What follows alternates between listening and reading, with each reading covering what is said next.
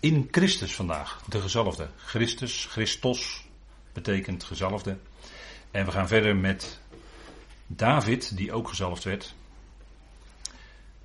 Die werd maar liefst drie keer gezalfd. En dat is natuurlijk ook wel weer, denk ik, bijzonder. Er staat in uh, Samuel. En de profeet Samuel is natuurlijk sowieso een uh, mooie naam. Hè? Het is de, de God die hoort. Toen nam Samuel de horen van olie en zalfde hem te midden van zijn broers. En de geest van Yahweh werd vaardig over David vanaf die dag en voortaan. Dus je ziet hier dat met die zalving er ook gesproken wordt over de geest van Yahweh, die over David kwam. David, natuurlijk een geweldige heenwijzing naar de Messias, hè, dat betekent geliefde. Het Hebreeuwse woord David betekent geliefd of geliefde. En hij werd drie keer gezalfd met een horen van olie. En een horen spreekt van kracht. Hè, en, uh, dat was een horen van een uh, geitenbok, denk ik. Die werd uh, van dodigheid afgenomen. En daar, kon, daar kan een geitenbok mee stoten. Dus dat is een uitbeelding van kracht. En vandaar dat bijvoorbeeld in Daniel er gesproken wordt over horens als uitbeelding van een koningen. En dat er dan op een gegeven moment, hè, zo staat er dan in Daniel 7, een kleine horen opkomt. Een kleine horen. En die kleine horen is dan een uitbeelding van de nog toekomstige op het wereldtoneel te verschijnen wetteloze. Of misschien is die er al, maar weten wij het nog niet. Dat die het is. Dat zou ook nog kunnen. Maar in ieder geval, die kleine horen die zal opkomen. En die zal in staat zijn om zelfs de heiligen te kunnen. Hij zal eh, door uiteindelijk, op, hè, als, als we de hoogste overweging nemen, zal die door God in staat gesteld worden om te kunnen overwinnen en om zelfs de heiligen, hè, dus Israël, te kunnen overwinnen. Maar dat is natuurlijk niet het einde, want die kleine horen zal uiteindelijk teniet gedaan worden door de Messias. Die komt als de ruiter op het witte paard in openbaring 19. Als tegenhanger van de ruiter op het witte paard in openbaring 6. En die Messias, Jezus Christus, die zal hem teniet doen door het woord, hè, door het zwaard. Dat is een, beeld, een, prachtige beeldspraak. Maar door het zwaard wat uit zijn mond uitgaat. En zwaard is een beeld van Gods woord wat vaneenscheidt en heel scherp is. En hij zal dan die wetteloze, zo zegt Paulus dat in 2 Thessalonicenzen 2, zal hij door de adem van zijn mond, dus door het woord wat hij spreekt, zal hij die wetteloze uitschakelen. Dat is de kracht van het woord. Hij hoeft een woord, hij hoeft niet maar, maar hij spreekt een woord. En dat is voldoende om die hele wetteloze en die wereldmacht in feite te verslaan. Dat is de kracht van het woord van God. Dat is de kracht van hè, wat in de nacht dan heet een woord, daad. Een woord bij God is ook tegelijkertijd een daad, alleen kan het soms heel lang duren voordat het werkelijkheid wordt. Hè. Maar het profetische woord is zeer vast, zegt Petrus, en het zal ook vervuld worden. Hè, er komt natuurlijk, er zijn nog genoeg onvervulde profetieën, maar er komt een dag, er komt een dag dat die profetieën in vervulling gaan, natuurlijk. Dat is Gods woord, dat is betrouwbaar, daar kun je van op aan. Dat is, een, dat is als een rots. Hè. Dat woord is geloofwaardig. Niet alleen, maar is, uh, is geloofwaardig omdat het een betrouwbaar woord is. En die woorden, hè, geloof, betrouwbaar, waarheid in het Hebreeuws, die liggen heel dicht bij elkaar. Natuurlijk, dat is toch logisch? Het is de waarheid van Gods woord, dus is het betrouwbaar. En dat resoneert met die geest van de waarheid in ons. En je beseft als gelovig, dit is de waarheid, dit, dit is het. Zo is het en niet, het kan niet anders dan zo zijn. En die geest werd vaardig over David als een geweldig type van de Messias, Jezus Christus. En hij werd drie keer gezalfd. En is dat niet een uitbeelding van de volheid van zalving die onze Heer heeft als de ware koning, als de ware profeet, als de ware priester? En dan moet ik zeggen, hoge priester, naar de ordening van Melchizedek, maar toch.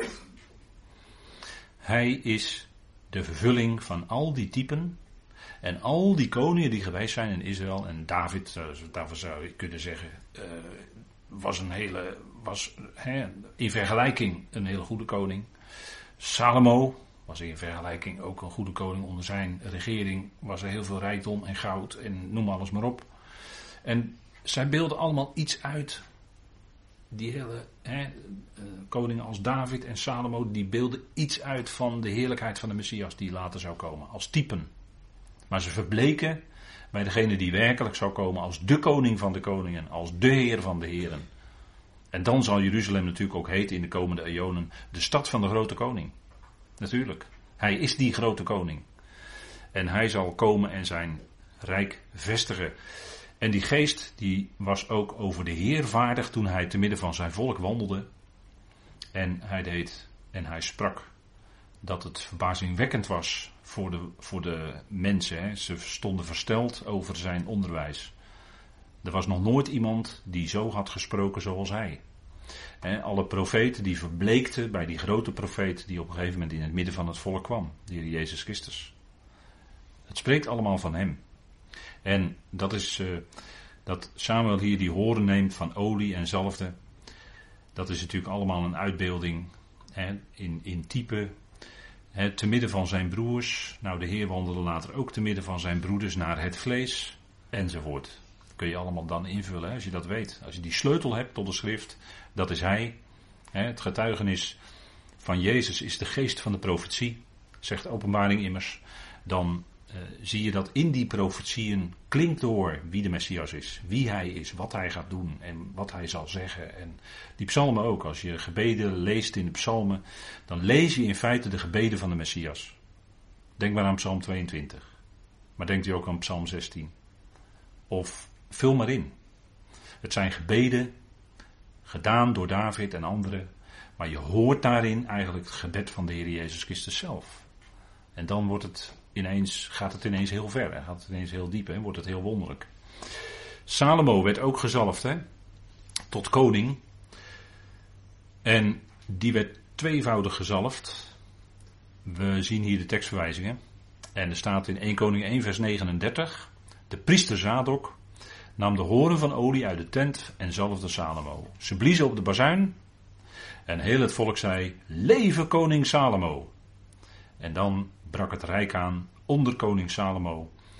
En uh, waarvan men zegt dat is een prachtige uitbeelding. Hè. Hij is de, in zijn naam zit ook de shalom, hè, de, de, het welzijn, uh, de vrede die Israël dan zal proeven en smaken in die duizend jaar. En dan zal de Heer ook over hen, hij, hij, zal hen beschermen en over de volken regeren met een ijzeren roede, staat er dan. Hè. En Israël zal dat ook met hem doen. Over de volken regeren met een ijzeren roede.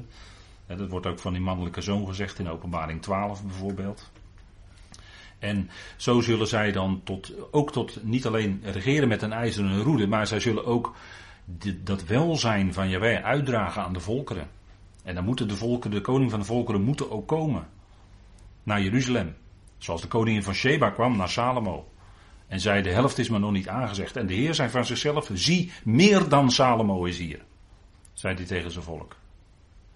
En dat is eh, natuurlijk, hij is veel meer en veel groter dan Salomo, die maar een hele zwakke afspiegeling was van de geweldige regering van de Messias als hij komt. Als de, de gezalfde van God, dat zal iedereen dan gaan erkennen. Salomo. Kijk, dat zalven werd gedaan voor priesters en koningen en het bracht, het, het werd gedaan omdat ze voor die functie gezalfd moesten worden, dat was een inzetting. Maar de, de priesters die bleken vaak ongeestelijk te zijn. zij deden vaak niet wat zij als priester ook zouden doen. Dat is namelijk de, de Torah onderwijzen aan het volk. dat was een priesterlijke functie.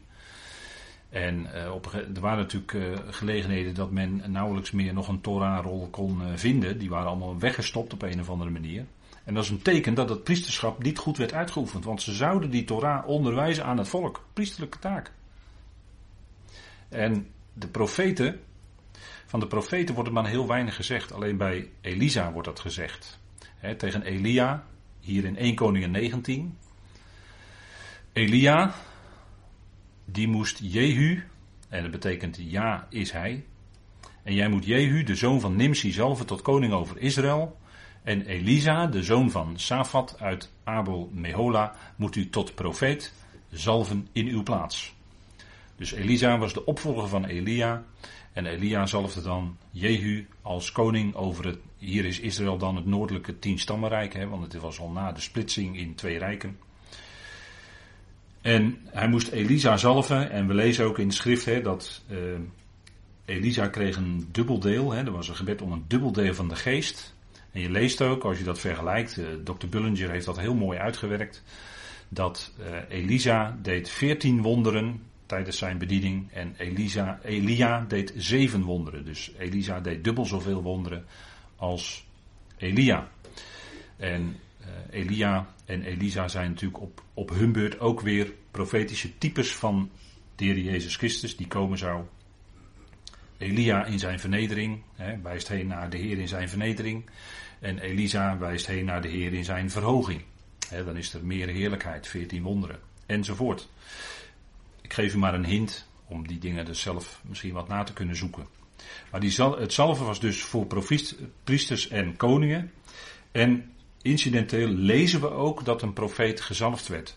Maar een profeet, een, een ware profeet van Yahweh, die had steeds die geest op zich. En we lezen bijvoorbeeld bij een profeet als Ezekiel dat de geest ook bij gelegenheid in de profeet kwam.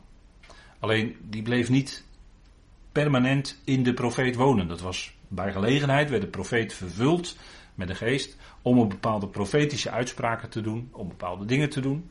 Of om bepaalde dingen te kunnen zien, want Ezekiel kreeg hele bijzondere visioenen, weet u wel, met die raderen. En dan ziet hij iets als, daarbovenaan ziet hij dan iets als, eh, dat lijkt op een mensenzoon.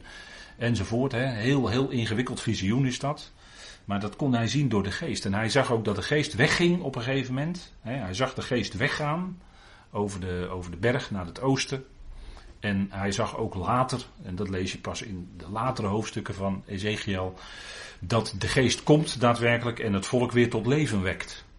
dus Ezekiel mocht, was een profeet die bijzonder sprak over het werk van de geest in Israël, maar ook over de heerlijkheid die zal komen als de Messias daar is. Dus op een bijzondere manier sprak hij. Hè. Kracht. Ezekiel betekent God is mijn kracht. En dat was ook hoe God in hem werkte, hè, in die profeet Ezekiel. Hij heeft ook bijzonder mogen profiteren. Die geest die was bij die profeten. Die, die waren op de profeten. En dan waren er soms een heleboel profeten die iets zeiden. En dan zei de ene, bijvoorbeeld Jeremia, die zei, die ene, die zei iets anders. Dat was Jeremia, die zei wat anders dan al die anderen. Die anderen zeiden wat men graag wilde horen. Maar Jeremia was de ware profeet van God, die zei, zo spreekt de Heer, zo spreekt Yahweh. En wat Jeremia had gezegd, geprofiteerd, dat gebeurde ook. Niet wat al die anderen hadden geprofiteerd, wat naar het hart of naar de zin van de mensen was. En is het ook zo niet een beetje in deze tijd? Dat men ook dat woord van God uh, ja, toch, toch vaker wil aanpassen. En dan spreekt Paulus over gehoor wat gekieteld wordt, weet u wel. Mensen, mensen willen soms uh, dingen horen uit Gods woord wat er zo heel makkelijk ingiet, wat er heel makkelijk ingaat. Maar ik denk dat Gods woord niet altijd zo makkelijk naar binnen gaat. Gods woord is niet altijd zo makkelijk. Ik denk dat het Gods woord juist ook vaak iets is wat, wat, wat, je, wat bij je blijft haken, wat jou steekt. Wat, wat jou aanspreekt. En Paulus was tot het einde aan toe, bleef hij bij zijn evangelie. Hij week niet af. En hij zei ook tegen Timotheus, Timotheus, je zou dat woord van de waarheid op een juiste wijze snijden. He, staat er dan orthotomeo, recht snijden. En niet een waarheid voor een bepaalde tijd gaan toepassen op nu. Je kunt dus niet het evangelie van de besnijdenis nu op de gelovigen leggen en toepassen. Gaat niet. Gaat niet voor deze tijd. Nu geldt het evangelie zoals de apostel Paulus dat brengt. Met de kruisiging en de opstanding van de Heer Jezus Christus centraal en de consequenties daarvan. En die consequenties, dat zijn vaak woorden die bij ons als gelovigen haken. Die, blijven, die, die, die haken in je. Die kietelen niet jouw gehoor, maar die blijven haken. En dat is soms lastig. En dat kan wel eens vervelend zijn voor jou als mens. Waarom? Nou, omdat dat stukje oude mens bij jou aangesproken wordt.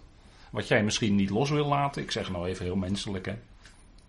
Dat kan zomaar zo zijn maar, en, en kijk, dat woord, dat is vaak ook net als je, als je dat wil, wil, wil uitwerken en wat, wat staat er nou precies, dan is het ook heel vaak zo dat het net anders is dan bijvoorbeeld heel mooi stilistisch Nederlands. nee, Gods woord is iets wat je raakt. Gods woord is iets wat je bijblijft. Dat is ook de waarheid. En mensen, we leven nou eenmaal in de tijd dat de mensen hun gehoor graag willen laten kietelen. Maar ze wijken intussen af. Hè, dat zijn dan eh, afwijkers van de waarheid in feite. Naar wie ze dan hun oor te luisteren leggen. Dat is wat Paulus tegen Timotheus zegt in zijn tweede brief over de eindtijd. De laatste dagen. Hè, studie zijn mee bezig geweest. Hoe de mensen dan zullen zijn. En het gaat er niet om dat ons gehoor getiteld wordt. Nee, het gaat erom dat we die waarheid van Gods woord tot ons nemen. Ja, en dat zegt u, ja, het is niet altijd zo gezellig. Nee, nee, het is wel eens niet zo gezellig misschien. Maar het kan best zijn dat die waarheid toch nodig was, toch nodig is dat je dat hoort, hoe het zit, hoe, wat de waarheid is, opdat je daardoor ook in die waarheid kan wandelen en leven. En dan kun je ook hè, met elkaar omgaan en in waarheid en dan in, in, in waarachtige liefde van God met elkaar omgaan. Daar gaat het natuurlijk om. Dan gaan we toe naar de Heer zelf. Dat is natuurlijk het onderwerp van de schrift, hè, de Heer zelf. Kijk, Jezus werd niet gezalfd met letterlijke olie. Waarom niet? Omdat hij verwekt was door Heilige Geest. Bij Maria, hij was verwekt door Heilige Geest. En daarom was het helemaal niet nodig dat hij gezalfd werd. Hij was bij geboorte al de Messias. Hij was bij geboorte al de gezalfde. En dat, dat zegt bijvoorbeeld Matthäus 1, vers 16. Dat heb ik hier even voor u uitgeschreven. Jacob verwekte Jozef, de man van Maria, uit wie geboren is Jezus, die gezalfde genoemd wordt. En dan staat er in het Grieks inderdaad Christus natuurlijk. Maar het is de gezalfde. Hij was de gezalfde bij geboorte. En daarom was het voor hem helemaal niet nodig dat hij nog letterlijk met olie gezalfd werd. En dat is natuurlijk een punt, hè? Dat is een punt, want ook daar, ja, soms denk ik wel eens over welk punt wordt niet anders gedacht, hè? Over alle punten lijkt wel alsof er anders gedacht wordt in de schrift. Maar ook over dit punt, hè, of hij dan gezalfd was en wanneer die dan gezalfd was. En daar worden dan weer conclusies aan verbonden en noem maar op. U weet wel hoe dat gaat. Maar kijk, in, in Matthäus 1 vers 18 staat bijvoorbeeld, de geboorte van Jezus Christus was nu als volgt. En Matthäus die schrijft dat natuurlijk verhalend op. En natuurlijk, ieder woord staat op de juiste plek. Dus hij zegt, ja, Jezus de Messias, de gezalfde, zijn geboorte. Dus bij geboorte wordt hij al zo genoemd, hè? Bij geboorte. Niet later pas. En natuurlijk, Peter zegt wel iets op de Pinksterdag, maar dat, dat is zijn stelling, zijn stelling in heerlijkheid. Hij is de gezalfde. Dat zegt Lucas 2 ook, hè? Dat heden voor jullie in de stad van David, en dat is dan deze keer niet Jeruzalem, maar Bethlehem, de redder voortgebracht is, die is Christus de Heer. De gezalfde die ook de Heer is. Hij is degene die kwam in vernedering. En tijdens zijn aardse leven was dat Heer zijn en dat koning zijn was nog niet aan de orde. Toen hij eh, tegenover Pilatus stond, toen zei hij ook tegen Pilatus: Pilatus, Jij zou geen volmacht over mij hebben als het jou niet van boven gegeven was. En natuurlijk eh, kun je dan denken, hij had die volmacht gekregen van die Romeinse keizer. Die stond boven hem. Maar die Romeinse keizer op zijn beurt had natuurlijk God zelf uiteindelijk boven zich. Die hem op dat moment gevolmachtigd had om Romeins keizer te kunnen zijn. Dat was niet uh, een kwestie van democratie. Maar het was een kwestie van dat God op dat moment wilde dat het toen keizer Augustus was en dat het toen Julius Caesar werd en dat het toen eh, later Domitianus, weet ik veel. Maar dat is, dat is allemaal omdat God dat zo bepaalt. Uiteindelijk. Dat was toch ook zo bij de farao? Farao was toch ook door God gewekt in feite om een grote farao van Egypte te kunnen zijn. Maar dat was opdat God zijn naam aan hem zou verheerlijken. Daarom was die farao zo groot geworden. En daarom verhardde God zelf dat hart van de farao. De farao dacht wel in zijn waan dat hij dat zelf deed, maar dat was een waan. En dat was God die zijn hart verhardde. En moeten we ook ons realiseren. Als mensen nu in deze wereld een bepaalde rol spelen, ook op hogere niveaus, om het zo maar te zeggen. We zeggen dan wel eens hogere echelons enzovoort. Maar ook die figuren die daar zitten, die konden daar alleen maar komen omdat het past in Gods plan. Want uiteindelijk is God het die alle touwtjes in handen heeft hoor. Vergist u zich niet. Dan hebben grote wereldleiders en uh, degenen die daarachter staan, die hebben in, in het, in het, uh, vanuit God bekeken, hebben die eigenlijk helemaal niks te vertellen.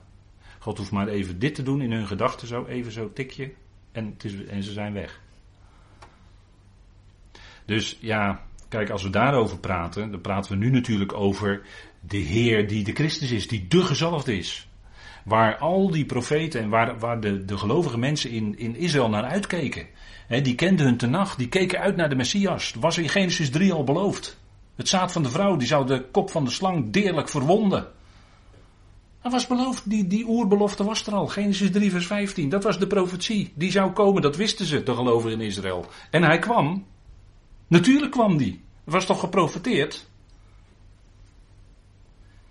En hij kwam om die, die kop van de slang deerlijk te verwonden. Het staat niet vermorzelen, maar het staat erg verwonden. Hè? En dat heeft hij ook gedaan. En uiteindelijk zal die slang ook zo even in die abyssos gedaan worden. Deksel erop verzegelen, duizend jaar mond houden jij. Kijk, dat is, dat is God, die stuurt een boodschapper en die doet dat. Met de tegenstander van God, die door sommigen dan ook weer heel groot wordt gemaakt. Maar hij moet hem ook niet groter maken dan dat hij werkelijkheid is. De God die we mogen kennen is veel en veel groter. En de Heer die we mogen kennen is veel groter. En die gaat echt wel op de juiste tijd orde op zaken stellen.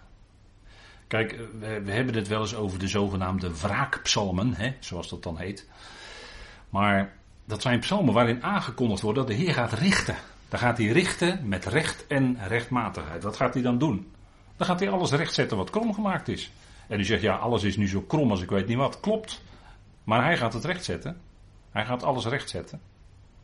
Alles is nu op zijn kop gezet en het wordt tijd dat alles zo weer teruggezet wordt. Dat het gewoon weer normaal wordt. Zoals normaal in de zin van in het licht van de schrift, hè, dan. De Heer zal richten. Hij zal gerechtigheid doen in de praktijk. En dat betekent dat ieder zal toekomen wat hem ook toekomt. Dat zal de Heer doen. Op een liefdevolle en op een heerlijke manier zal hij al die volkeren, zal hij dat geven wat nodig is. Een shalom die ook heerst in zijn volk Israël. Dat geeft hij dan ook aan de volkeren door. Zo zal de Heer dat doen. Hè? En ook dan krijgen zelfs die wraakpsalmen een wat andere, dan ga je daar wat andere kijk op krijgen. dan is het allemaal wat minder dreigend. En natuurlijk, de Heer gaat al die vijandige al die vijanden hebben, hebben, we voor de pauze gelezen met elkaar. De vijanden rondom Israël zal hij inderdaad uitschakelen. Koning Saul deed het niet, maar hij gaat het wel doen.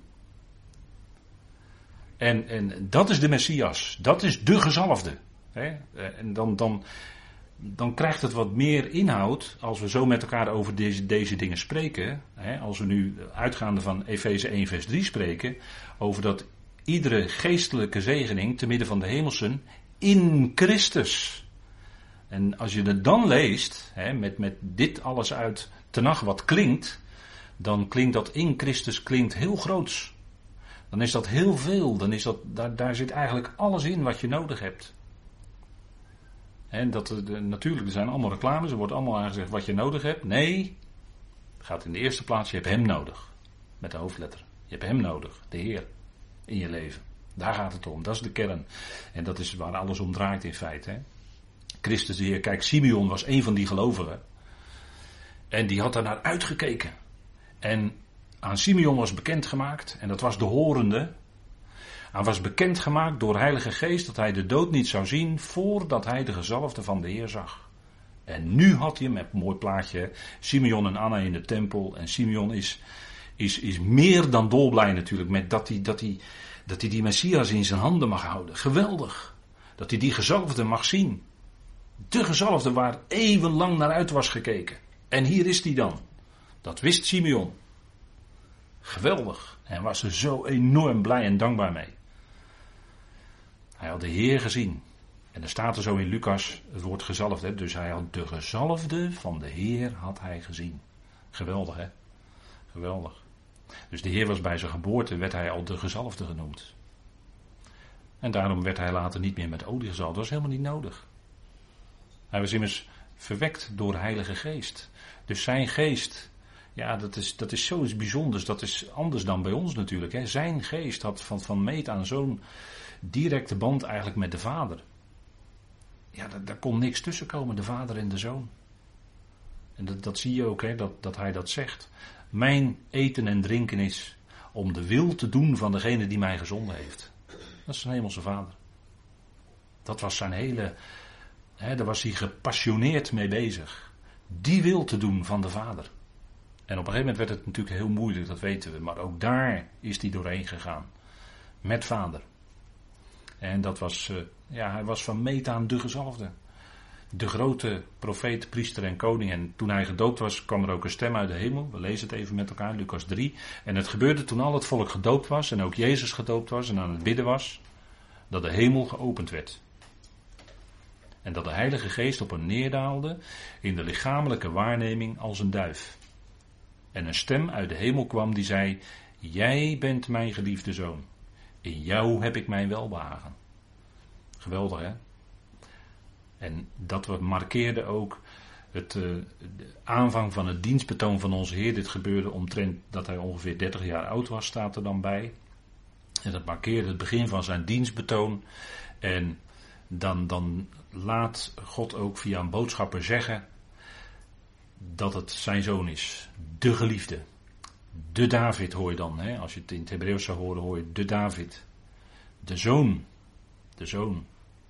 De zoon is ja, de schrift maakt daar onderscheid in. Ehm, en, en jammer genoeg, ehm, in, in de nieuwe NBV-vertaling uh, constateer ik tot mijn spijt dat uh, het begrip kind en het begrip zoon niet goed uit elkaar is gehouden. Ook zelfs in de nieuwe NBV-vertaling, waarin zoveel correcties zitten, op het punt ook van consistentie. Uh, daar, ook daarin is helaas kind en zoon met elkaar verwisseld is er kind vertaald terwijl de zoon staat. En ja, zoals u weet, daar hebben we toch vanuit de concordante methode het bezwaar tegen. Er staat zoon, er staat hios, dan moet je zoon vertalen. Klaar, heel eenvoudig. En dat sluit ook de, dat sluit zoveel mogelijk uit, de concordante methode, sluit zoveel mogelijk uit de eigen mening of visie of overtuiging of opvatting van de vertaler. Want het staat er. Dat staat er. En dan ben je gedwongen om dat ook te vertalen wat er staat. Zoals het, zoals het gewoon keurig netjes. Hè? Zoon is zoon, Hios is zoon, Ben is zoon. En niet kind. Als kind staat, dan is een andere, staat er iets anders op de voorgrond, een ander stukje waarheid op de voorgrond. En dan moet je kind vertalen. Dat zijn verschillende woorden in het Nederlands en in het Grieks en in het Hebreeuws ook. Dus ja, je kan geen kant op. En we willen ook niet anders, we willen alleen maar heel graag dat ook Gods woord zelf aan het woord komt. En, en dan heb je dus, hè, want anders kom je dus heel snel in dat, u weet wel hè. Kijk, deze is mijn geliefde zoon. En in dat woord zoon, daar klinkt zoveel in door. Zoveel heerlijkheid. Hij is de geliefde, de geliefde zoon van God. Dat is, dat, ja, dat is een enorme status, zeker in het Midden-Oosten. Daar kennen ze nog vanuit de oorsprong, kennen ze nog de waarde van een zoon die had ook uh, rechtmatig dan uh, de eerstgeborene. Genesis gaat constant over de ruzie om het eerstgeboorterecht. De eerstgeborene, dat is de zoon. En dat, het woord zoon zegt dat al. Dat, die, die vertoont wie de vader is.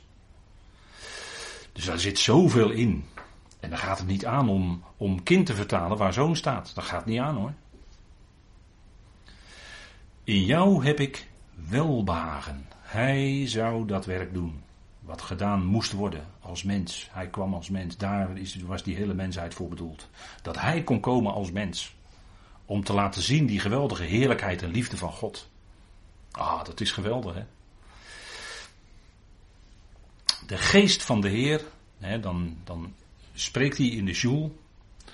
En dan zegt hij, en dan opent hij de boekrol Jezaja. En dan zoekt hij heel bewust dat stukje op, Jezaja 61. En dan zegt hij, de geest van de Heer is op mij, omdat hij mij zalft. Hij heeft mij gezonden om aan armen evangelie te verkondigen, om te genezen die gebroken van hart zijn. Wat geweldig is dat, hè? Kijk, je kan wel eens in je leven een fase hebben of dat je hart gebroken is. Dat kan. Om, om een geliefde die je ontvalt. Dat je veel verdriet ervan hebt. Dan, zeg je, zeggen we in een beeldspraak, zeggen mijn hart is gebroken. En dat kan wel zo zijn, ja. Maar degene die heling geeft van een gebroken hart is de Heer. En die doet dat op zijn heel wonderlijke manier soms. En is het niet zo dat uiteindelijk als we, als we zijn bij de voltooiing van Gods plan, dat Hij al die gebroken harten geheeld heeft, als we zien wat Zijn plan heeft uitgewerkt. Ook in degene over wie wij een gebroken hart hadden. Is dat niet geweldig dat de Heer dat zo doet? Kijk, in de profetie stond al, en in de openbaring wordt het herhaald, dat als we praten over die nieuwe aarde, over die nieuwe schepping, dan is de Heer die alle tranen van de ogen gaat afwissen. Dan zal er geen verdriet meer zijn. Wat geweldig is dat, hè? Er is nu nog sprake van lijden, van nood, van verdriet, van moeite, tegenslag enzovoort. U kunt de hele lijst van woorden daarvoor invullen. Maar de Heer, die was gekomen om eerst bij zijn volk dat gebroken hart te genezen. En de mensen hoorden het. De mensen in wie de geest van God werkte, van zijn volk, die hoorden het. Hij spreekt heel anders. Hij, er was nog nooit iemand die zo gesproken had als hij. En ik denk dat als je die stem eenmaal gehoord hebt in je leven, daar kom je nog meer van los. Want het is de Heer die dan in jouw hart werkt en jouw leven zo van binnenuit verandert. Dat laat je nooit los. Hij laat nooit, hij laat je nooit meer los. Je kunt nooit uit zijn hand vallen. Je bent te allen tijden in zijn handen gegrift, in een beeldspraak gesproken. En dat is die liefde van de Heer die je vasthoudt. Want de liefde van God is sterker dan de dood. Dat is wat het hooglied zegt. De liefde van God is sterker dan de dood. Dat gaat daar doorheen. Want hij zal aan het eind van zijn plan leven geven. Leven vanuit zijn onmetelijke liefde. En dan zullen al die harten die nu nog gebroken zijn en gebroken worden, zullen heling vinden bij hem aan zijn hart. Is dat niet geweldig? Zo'n zo'n overweging. Dat is de Messias. Dat is onze Heer. Dat is Christus Jezus. Zo groot is Hij, zo liefdevol is Hij. En natuurlijk, Hij zal zaken rechtzetten en er moet flink ingegrepen worden in deze wereld. Nou en of, nou en of. Zeker. Maar bedenk altijd dat het hart van liefde van God daarachter zit. Hij doet het nooit zomaar. Maar er zit liefde achter om zaken recht te zetten. En dat kan pijn doen, maar het moet rechtgezet worden. En als het eenmaal is rechtgezet, dan ben je dankbaar.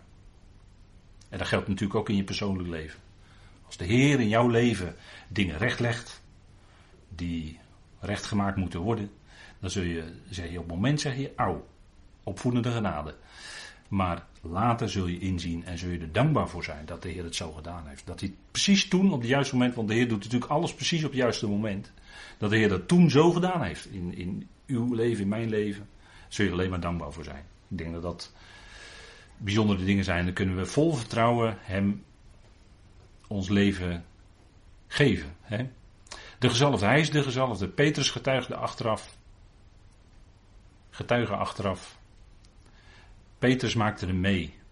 En hij kon het alleen maar zeggen door de Heilige Geest, hè? door de Hemelse Vader die hem dat gaf. Hij zei tot hen, maar jullie, wie zeggen jullie dat ik ben? En dat is vandaag aan de dag nog precies zo, hè? diezelfde vraag. Wie is hij? Nou, de mensen zeggen van alles natuurlijk over hem. Maar Simon Petrus antwoordde en zei, u bent de Christus, de Zoon van de levende God. En dan zegt hij, gelukkig ben je Simon Barjona, want jij hebt het niet zelf kunnen bedenken dit, dat je dit zei. Maar het is God die je dat gaf. U bent de Christus, u bent de gezalfde, de Zoon van de levende God. Voluit waar wat Petrus zei. En op die Petra zal de Heer dan inderdaad zijn koninkrijksecclesia bouwen. En dat koninkrijksecclesia, dat is iets anders dan het lichaam van Christus. Dat zijn gewoon twee verschillende lijnen. De twaalf en Paulus, twee verschillende lijnen. De twaalf horen niet bij het lichaam van Christus. Nee, dat zijn twee verschillende lijnen. En Als je dat vasthoudt, wordt alles gewoon in de schrift heel erg duidelijk. En wij als leden van het lichaam van Christus zijn ook in Christus. Hè? God ziet ons altijd aan in Hem. Moet ik nooit vergeten. Hoe kijkt God naar u? Niet als de weger. Die met een weegschaaltje boven zit te kijken van nou, nu doet uh, X, zuster X doet iets verkeerd. Of nu doet broeder Y iets verkeerd. Even een dingetje in de weegschaal. Denkt u nou dat God zo naar u kijkt? Nee hoor. Die weegschaal kunt u uh, in de kliko doen. Want God kijkt naar u dat u lid van, bent van het lichaam van Christus. En u bent in Christus. Dus hij kijkt naar u in hem. Zo ziet hij u aan. En zo kunnen wij ook naar elkaar kijken. Als nieuwe scheppingen in Christus. En dat is wat hier ook staat. Hier staat gezalfd. Hè? 2 Korinthe 1. Hij nu die ons bevestigt, tezamen met jullie in Christus en ons zalft, is God. God, die doet dat dus. Hè? Die ons ook verzegelt en de waarborg van de geest gegeven heeft in onze harten. En nou is het mooie dat die werkwoorden, zalven, verzegelen en geven, dat staat allemaal in, in als, als een uh, feit. Dat staat er allemaal als een feit, niet aan tijd gebonden. Dus dat, dat doet God, dat is een feit. En hij bevestigt ons. En als u, ik zou bijna willen zeggen, als u meer vastheid en zekerheid wil hebben, nou hier staat het. We zijn verzegeld. Dat is een waarborg tegelijkertijd. Hij, heeft die, hij geeft die geest in ons hart. Die woont in ons. Die gaat niet weg. En die verzegeling die kunnen, wij, die kunnen wij ook zelf niet ongedaan maken. Nee, God heeft ons verzegeld met zijn geest in Christus. En dat is, dat is zo, dat blijft zo. Dat is een feit. En u hoort bij hem, u hoort bij Christus. veel mensen die, eh, die als je vraagt van over geloof iets aan een mens vraagt, dan, uh, dan antwoorden ze vaak met van ja, ik ben van die en die kerk, of ik ben van dat en dat genootschap, of ik hoor bij die en die organisatie, of wat dan ook. Dat is allemaal natuurlijk kwats. Lid van het lichaam van Christus, dat is wat je bent. En dat is gewoon wat je bent. Dat, dat, daar valt niks meer aan te veranderen. Nou, wees er blij mee, zou ik zeggen. Want het is een en al vastheid en zekerheid. Hè. Dit zijn natuurlijk allemaal, u zegt het is allemaal beeldspraak. Klopt, het is allemaal beeldspraak. Maar het drukt wel uit die geweldige zekerheid die God ons geeft. En dat die geest in ons woont, dat is wel letterlijk waar. Zijn geest woont wel, is wel in ons komen wonen. Dat is wel een letterlijke waarheid. Die is in ons. Maar het is een en al zekerheid. God trekt die geest niet terug. Bij gelegenheid trok hij bij koning Saul later zijn geest van hem terug. Bij David bleef de geest op hem.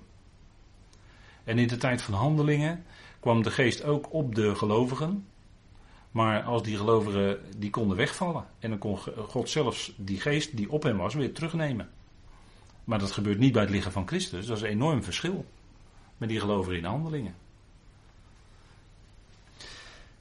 Waarborg, zekerheid. Hè? De woorden herhaalt Paulus in Efeze 1 ook. Hè? Verzegelen, waarborg, geest. Ook woorden die we tegen zullen komen in dit hoofdstuk van Efeze 1. Dus een en al zekerheid, vastheid, uh, geborgenheid, uh, noem maar op. En hoe het gaat in onze ziel, dat is heel wat anders.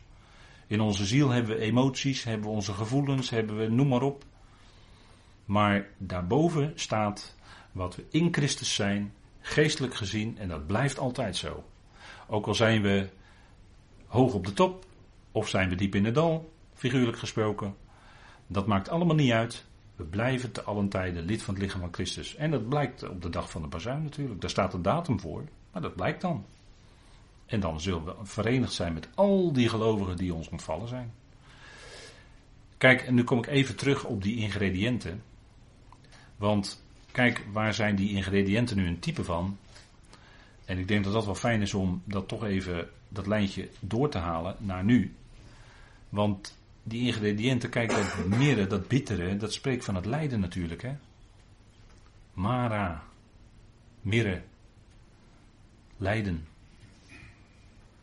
moeilijke dingen.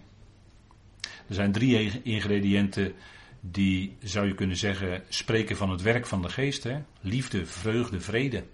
De, hoofd, de hoofdelementen, om het zo maar te zeggen, van het werk van de geest.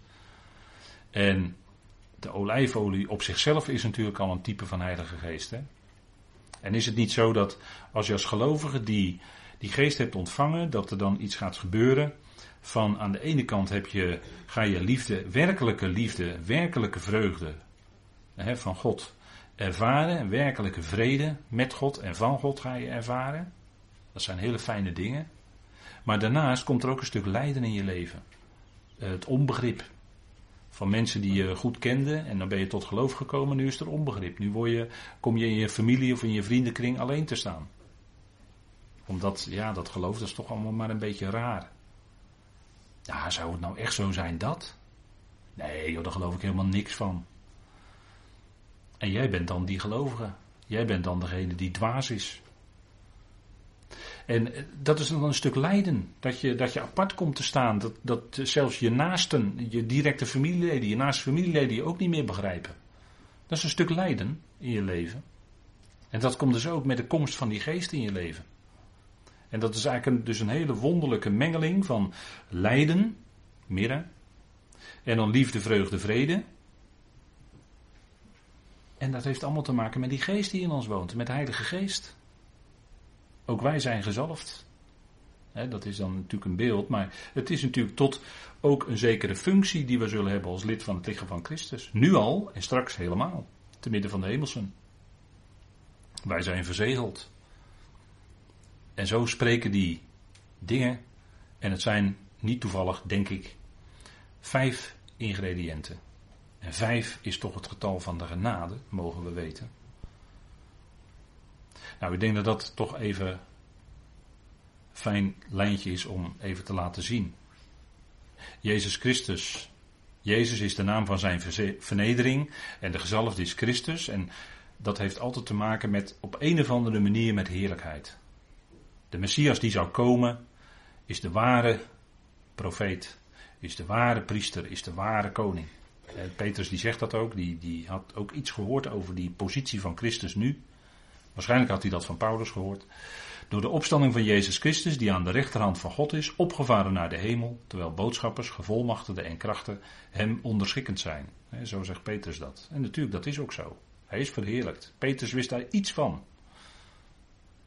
Maar het evangelie, zoals Paulus dat mocht brengen, spreekt voluit van die verheerlijkte Christus, van die gezalfde. En dat zal in de, in de komende eonen zal het ook blijken dat hij de ware is, de ware gezalfde, waar alles naar uitkeek. En waar ook wij naar uitkijken, hè, dan wordt het licht. En daarom is dit plaatje, deze foto is wel mooi denk ik. Het licht wat doorbreekt in de schepping. Dat is natuurlijk een beeld. Hè, de zon is natuurlijk ook een type van Christus.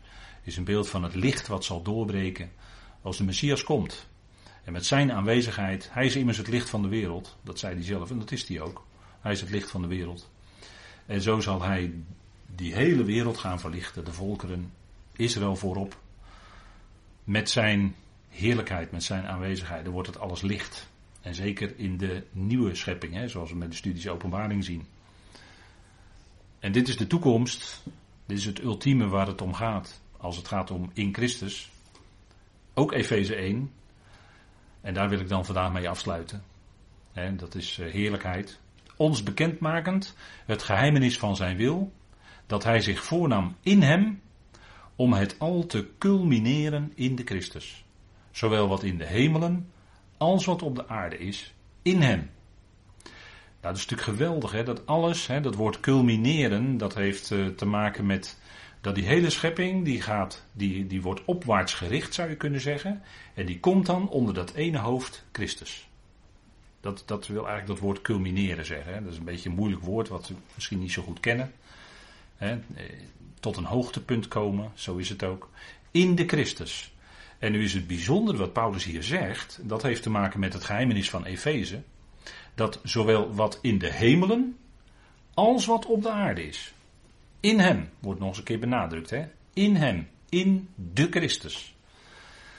Alles in hemelen en op aarde zal onder hem komen als hoofd. Die, zal, die zullen ook hem als hoofd erkennen.